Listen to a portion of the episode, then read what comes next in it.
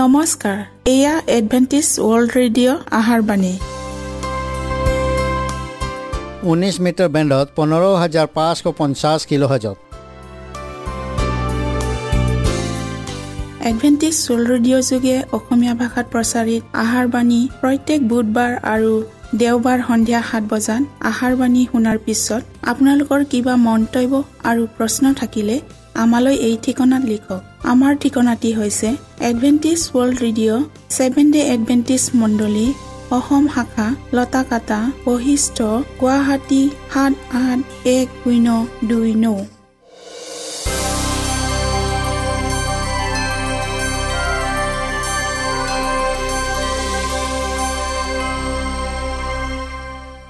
প্ৰিয় শ্ৰোতা বন্ধুসকল এতিয়া শুনো আহক এটি খ্ৰীষ্টীয় ধৰ্মীয় গীত।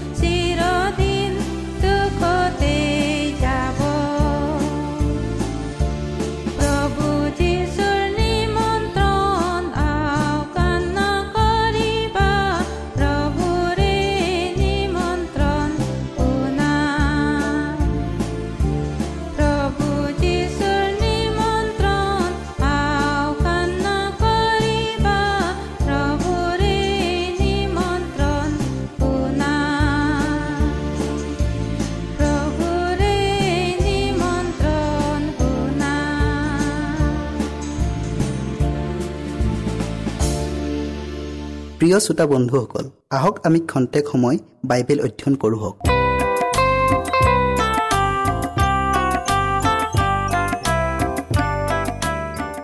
প্ৰিয় শ্ৰোতাসকল নমস্কাৰ।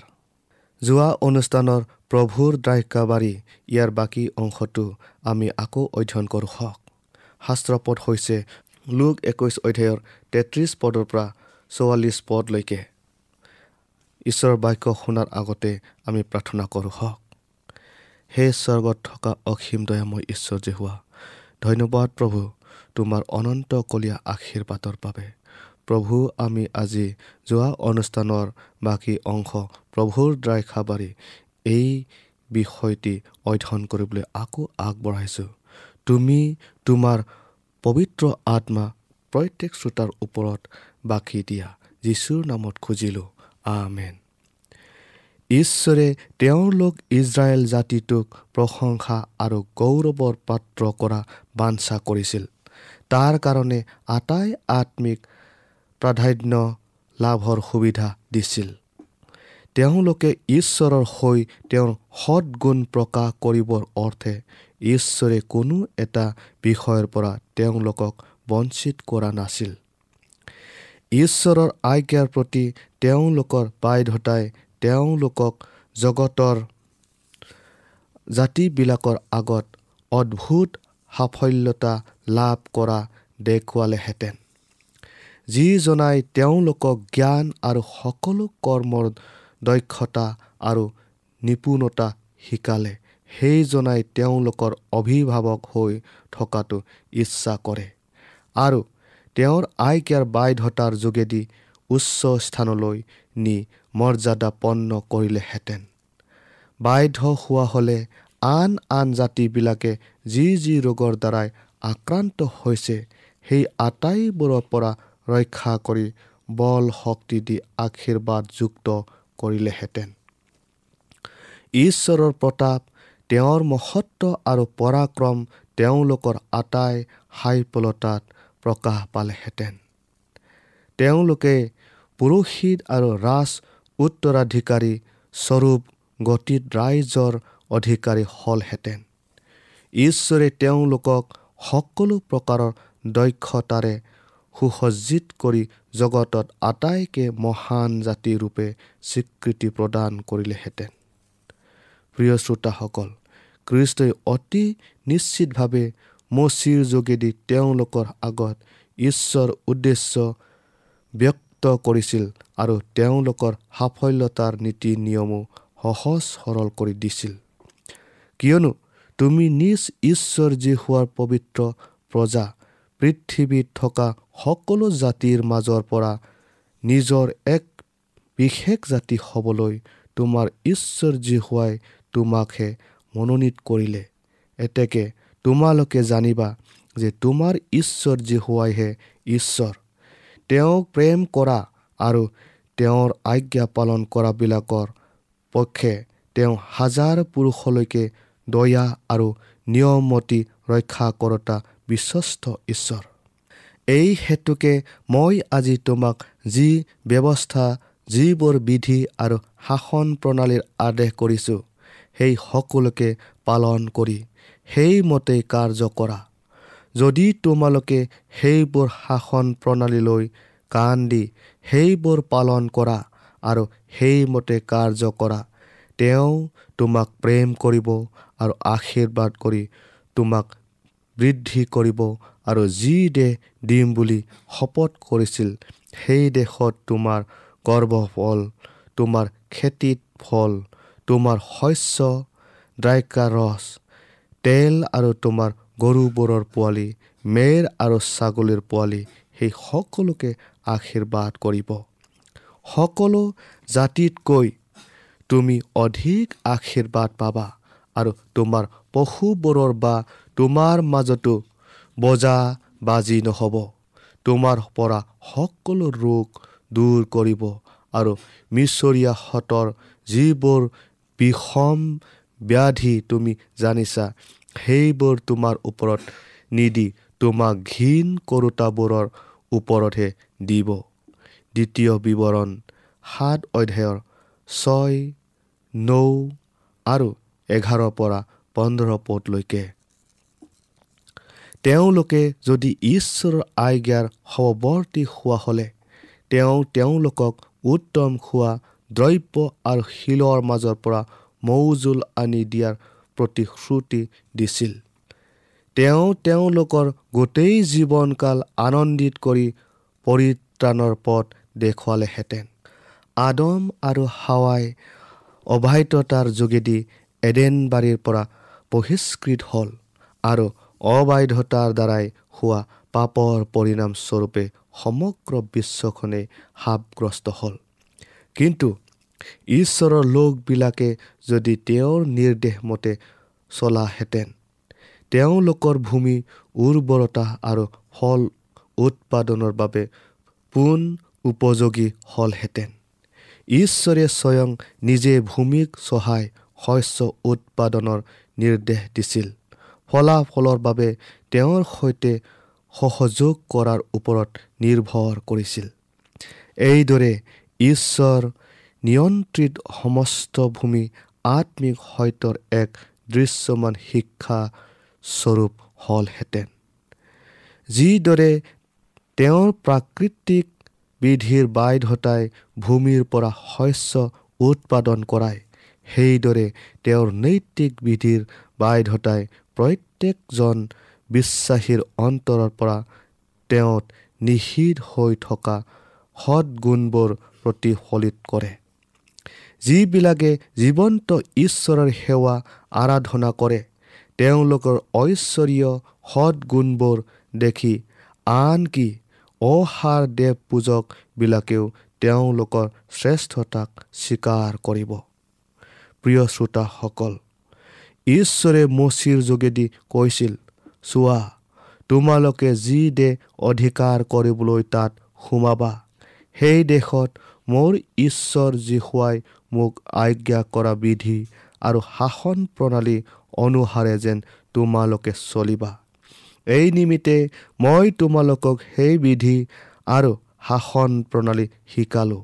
এই হেতুকে সেইবোৰ পালন কৰি সেইমতে কাৰ্য কৰা। কিয়নো জাতিবিলাকৰ আগত সেয়ে তোমালোকৰ জ্ঞান আৰু বুদ্ধিৰ প্ৰমাণ হ'ব। এই সকলো বিধি শুনি সিহঁতে ক'ব বাস্তৱিক এই মহাজাতি জ্ঞানবান আৰু বুদ্ধিমান জাতি আৰু আমাৰ ঈশ্বৰ যি হোৱাৰ আগত প্ৰাৰ্থনা কৰা কালত তেওঁ যেনেকুৱা আমাৰ ওচৰত থাকোঁতা কোন মহাজাতিৰ তেনেকুৱা ওচৰত থাকোঁতা ঈশ্বৰ আছে। আৰু মই আজি তোমালোকৰ আগত যি ব্যৱস্থা প্ৰকাশ কৰিছোঁ তাৰ বিধি আৰু শাসন প্ৰণালীৰ নিচিনা ন্যায় বিধি আৰু শাসন প্ৰণালী কোন মহাজাতিৰ আছে? ঈশ্বৰে নিৰ্ধাৰিত কৰি দিয়া আটাই ভূমিক ইজৰাইলৰ সন্তানবিলাকে অধিকাৰ কৰিছিল। সত্য ঈশ্বৰৰ সেৱা উপাসনা কৰিবলৈ প্ৰত্যাখ্যান কৰা জাতিবিলাকক অধিকাৰচ্যুত কৰিছিল। কিন্তু আনহাতে এইটো ঈশ্বৰে ইচ্ছা আছিল যে ইজৰাইলবিলাকৰ যোগেদি তেওঁৰ সৎ আৰু পবিত্ৰ গুণসমূহ প্ৰকাশ কৰি পৰজাতিৰ লোককো যেন তেওঁলৈ আকৰ্ষিত কৰিব পাৰে। কেৱল ইমানেই নহয় জগতৰ সমুদায় লোকৰ আগত সুবাৰ্তা গ্ৰহণ আমন্ত্ৰণ জনোৱা হৈছে। বলিদান সম্বন্ধীয় শিক্ষাৰ যোগেদি আটাই জাতিৰ আগত কৃষ্টক শীৰ্ষস্থানত ৰাখি তেওঁলৈ দৃষ্টিপাত কৰি যেন সকলোৰে জীয়াই থাকে। যিবিলাকে কণানীয় ৰাসৱৰ দৰে আৰু মোৱাবিয়া ৰুথৰ দৰে অসাৰ দেৱ দেৱতাৰ সেৱা পূজাৰ পৰা আঁতৰি আহি সত্য ঈশ্বৰৰ সেৱা উপাসনা কৰিবলৈ মনস্থ কৰা বিলাকক ঈশ্বৰৰ মনোনীত লোকবিলাকৰ সৈতে একত্ৰিত কৰিছিল।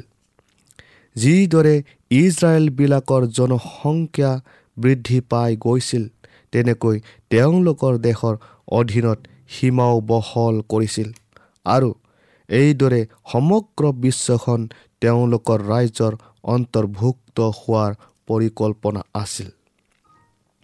প্ৰিয় শ্ৰোতাসকল বিশ্বৰ আটাই লোককে ঈশ্বৰে তেওঁৰ দয়াৰ অধীনত হোৱাৰ বাঞ্ছা কৰিছিল। তেওঁ ইয়াকো বাঞ্ছা কৰিছিল। জগতখন আনন্দ আৰু শান্তিৰে পৰিপূৰ্ণ হওক। তেওঁ মানুহক সুখ আনন্দৰ নিমিত্তে সৃষ্টি কৰিলে আৰু মানুহৰ হৃদয় স্বৰ্গীয় শান্তিৰে ভৰপূৰ হোৱাটো কামনা কৰে। তেওঁৰ প্ৰবল ইচ্ছা এই যে জগতত থকা ঈশ্বৰীয় পৰিয়ালে স্বৰ্গৰ বৃহৎ আত্মিক পৰিয়ালৰ প্ৰতীক স্বৰূপ যেন হয়। কিন্তু ইজৰাইল ঈশ্বৰৰ শেষ আশা পুনৰ কৰিব নোৱাৰিলে। ঈশ্বৰে প্ৰকাশে কৈছে তথাপি মই তোমাক উত্তম দ্ৰাক্ষালতা বুলি সকলোভাৱে প্ৰকৃত গুটি বুলি ৰুইছিলোঁ। তেন্তে তুমি কেনেকৈ মোৰ গুটিৰ বেজাতীয় দ্ৰাক্ষালতাৰ নৰম ডালত পৰিৱৰ্তন হ'লা। ইজৰাইল ফল উৎপন্নকাৰী জকমকীয়া দ্ৰাক্ষালতা স্বৰূপ। তেওঁ নিজৰ ফলৰ বাহুল্য অনুসাৰে নিজৰ যজ্ঞবেদী বৃদ্ধি কৰিলে। এতিয়া বিনয় কৰোঁ হে জেৰুচালেম নিবাসীবিলাক আৰু যিহুদাৰ লোক তোমালোকে মোৰ আৰু মোৰ দ্ৰাক্ষাবাৰীৰ মাজত বিচাৰ কৰা। মই মোৰ দ্ৰাক্ষাবাৰীলৈ যি যি কৰিলোঁ তাতকৈ আৰু কি অধিক কৰিব পাৰি? মই দ্ৰাক্ষাগুটি লাগিবৰ অপেক্ষাৰে থাকোঁতে কিয় তাত বনৰীয়া দ্ৰাক্ষাগুটি লাগিল? এই হেতুকে এতিয়া শুনা মই মোৰ দ্ৰাক্ষাবাৰীলৈ যি কৰিম তাক তোমালোকক জনাওঁ। মই তাৰ বেৰা গুচাম তাতে তাক খাই পেলাব আৰু তাৰ গড় ভাঙি তাক গছকিবলৈ দিম। মই তাক উচ্ছন্ন কৰিম। তাৰ লতাবোৰ কলম দিয়া নাযাব আৰু তাত কোৰ মৰা নাযাব। কিন্তু তাত কাঁইট গছ আৰু কাঁইটীয়া বনৰ হাবি হ'ব আৰু তাৰ ওপৰত বৃষ্টি নবৰখাবলৈ মই মেঘবোৰক আজ্ঞা কৰিম। তেওঁ ন্যায়লৈ বাট চাই আছিল কিন্তু চোৱা অত্যাচাৰ ঘটিল। আৰু ধাৰ্মিকতালৈ অপেক্ষা কৰিছিল। কিন্তু চোৱা চিঞৰ বাকৰ হ'ল। প্ৰিয় শ্ৰোতাসকল ঈশ্বৰে মচিৰ যোগেদি তেওঁৰ লোকবিলাকক অবিশ্বাসৰ পৰিণামৰ বিষয়ে কোৱাইছিল। তেওঁৰ বিধি বিধান পালন কৰিবলৈ অগ্ৰাহ্য কৰিলে। তেওঁলোকে নিজকে জীৱনময় ঈশ্বৰৰ পৰা পৃথক কৰি তেওঁৰ আশীৰ্বাদৰ পৰা বঞ্চিত হ'ব। মচিয়ে কৈছিল সাৱধান হোৱা নহ'লে তুমি নিজ ঈশ্বৰ জিহুৱাক পাহৰি মই আজি তোমাক আদেশ কৰা তেওঁৰ আজ্ঞা শাসন প্ৰণালী আৰু বিধিবোৰ পালন নকৰিবা। আৰু তুমি ভোজন কৰি তৃপ্ত হ'লে উত্তম ঘৰ সাজি তাত বাস কৰিলে। তোমাৰ গৰু মেৰ আৰু ছাগৰ জাক বৃদ্ধি পালে। তোমাৰ সোণ ৰূপ অধিক হ'লে তোমাৰ সকলো সম্পত্তি বাঢ়ি গ'লে তোমাৰ মন উপন্দাত তোমাৰ সেই ঈশ্বৰ যি হোৱাক পাহৰিবা। আৰু তুমি মনতে কৰা যে মই নিজ বল আৰু হাতৰ শক্তিৰেহে এই সম্পত্তি পালোঁ। আৰু তুমি যদি কোনো ৰূপে নিজ ঈশ্বৰ যি হোৱাক পাহৰি আন দেৱতাবোৰৰ পাছত ঢলা সেইবোৰক সেৱা পূজা কৰা আৰু সেইবোৰৰ আগত প্ৰণিপাত কৰা তেন্তে মই তোমালোকৰ অহিতে আজি এই সাক্ষ্য দিছোঁ যে তোমালোক নিশ্চয়ে বিনষ্ট হ'বা। তোমালোকৰ সাক্ষাতে যি হোৱাই যি জাতিবোৰক বিনষ্ট কৰিছে তোমালোকে তোমালোকৰ ঈশ্বৰ যি হোৱাৰ বাক্য নুশুনাৰ কাৰণে সিহঁতৰ দৰে তোমালোকো বিনষ্ট হ'ব। কিন্তু যিহুদী জাতিটোৱে সেই সতৰ্কবাণী মুঠেই কৰ্ণপাত নকৰিলে। তেওঁলোকে ঈশ্বৰক সমূলি পাহৰি গৈ তেওঁৰ প্ৰতিনিধি স্বৰূপ হোৱাৰ যি মহা দায়িত্ব সংস্পৰ্শৰ পৰাও ৰহিত হ'ল। তেওঁলোকে পোৱা আশীৰ্বাদ জগতৰ প্ৰতি লাভজনক নহ'ল। ঈশ্বৰৰ পৰা পোৱা আটাই সুযোগ সুবিধাবোৰ নিজৰ স্বাৰ্থৰ ব্যৱহাৰৰ বাবে আত্মসাত কৰিলে। ঈশ্বৰে তেওঁলোকৰ পৰা বিচৰা ধনেৰে সেৱা উপাসনা নকৰি তেওঁক আঘাত দিলে আৰু স্বদেশী লোকৰ আগত ধৰ্মীয় আৰু পবিত্ৰ আদৰ্শ দাঙি ধৰিব নোৱাৰিলে। বিশ্ব জলপ্লাৱনৰ পূৰ্বৰ নিবাসীবিলাকৰ দৰে তেওঁবিলাকৰো দুষ্টতা অধিক আৰু সদায় মনৰ চিন্তাৰ সকলো কল্পনা কেৱল মন্দ আছিল। তেওঁলোকে পবিত্ৰ বস্তুক অপবিত্ৰ জ্ঞান কৰি এইবোৰ যীশুৱাৰ মন্দিৰ যীশুৱাৰ মন্দিৰ বুলি কয় কিন্তু একে সময়ত ঈশ্বৰৰ সৎগুণসমূহক বিকৃত পথ দেখুৱাই তেওঁৰ নাম অপমান কৰাৰ উপৰিও তেওঁৰ ধৰ্মধাম অসুচী কৰিলে। প্ৰিয় শ্ৰোতাসকল আজি আমি ইমানতে সামৰিলোঁ। ইয়াৰ বাকী অংশ পৰৱৰ্তী অনুষ্ঠানত আপোনালোকে শুনিবলৈ পাম হওক। আশা কৰোঁ আপোনালোকে ইয়াৰ বাকী অংশটো শুনিবলৈ নেপাহৰিব। ঈশ্বৰে আপোনালোকক আশীৰ্বাদ কৰক।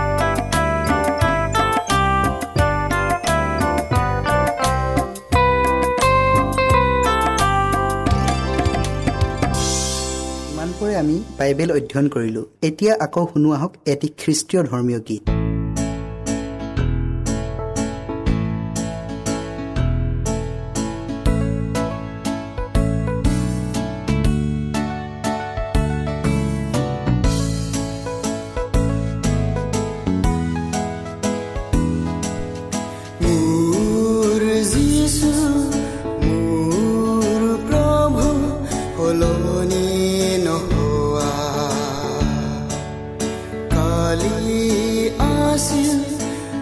আজিও আছে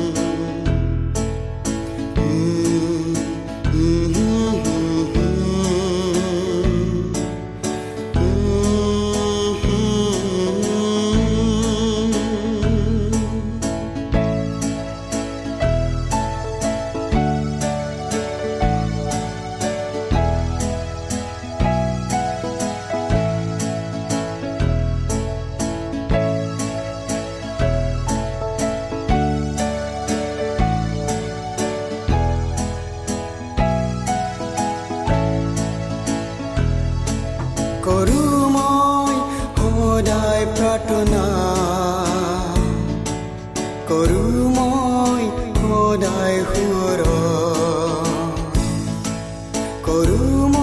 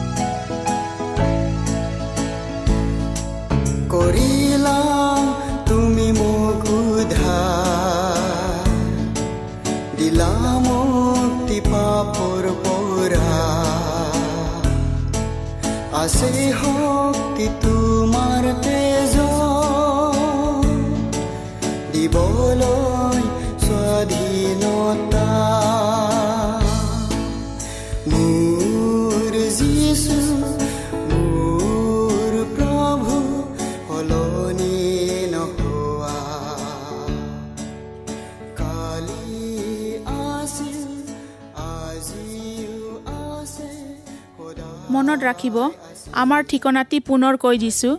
Adventist World Radio' Assam region of seven day Adventist voice of hope Latakata Basistha Guwahati seven eight one zero' two nine প্ৰিয় শ্ৰোতা বন্ধুসকল এডভেণ্টিজ ৱৰ্ল্ড ৰেডিঅ' যোগে আহাৰবাণী প্ৰচাৰত আপোনালোকক পুনৰ লগ পোৱাৰ আহাৰে আজিলৈ সামৰিলোঁ। ধন্যবাদ।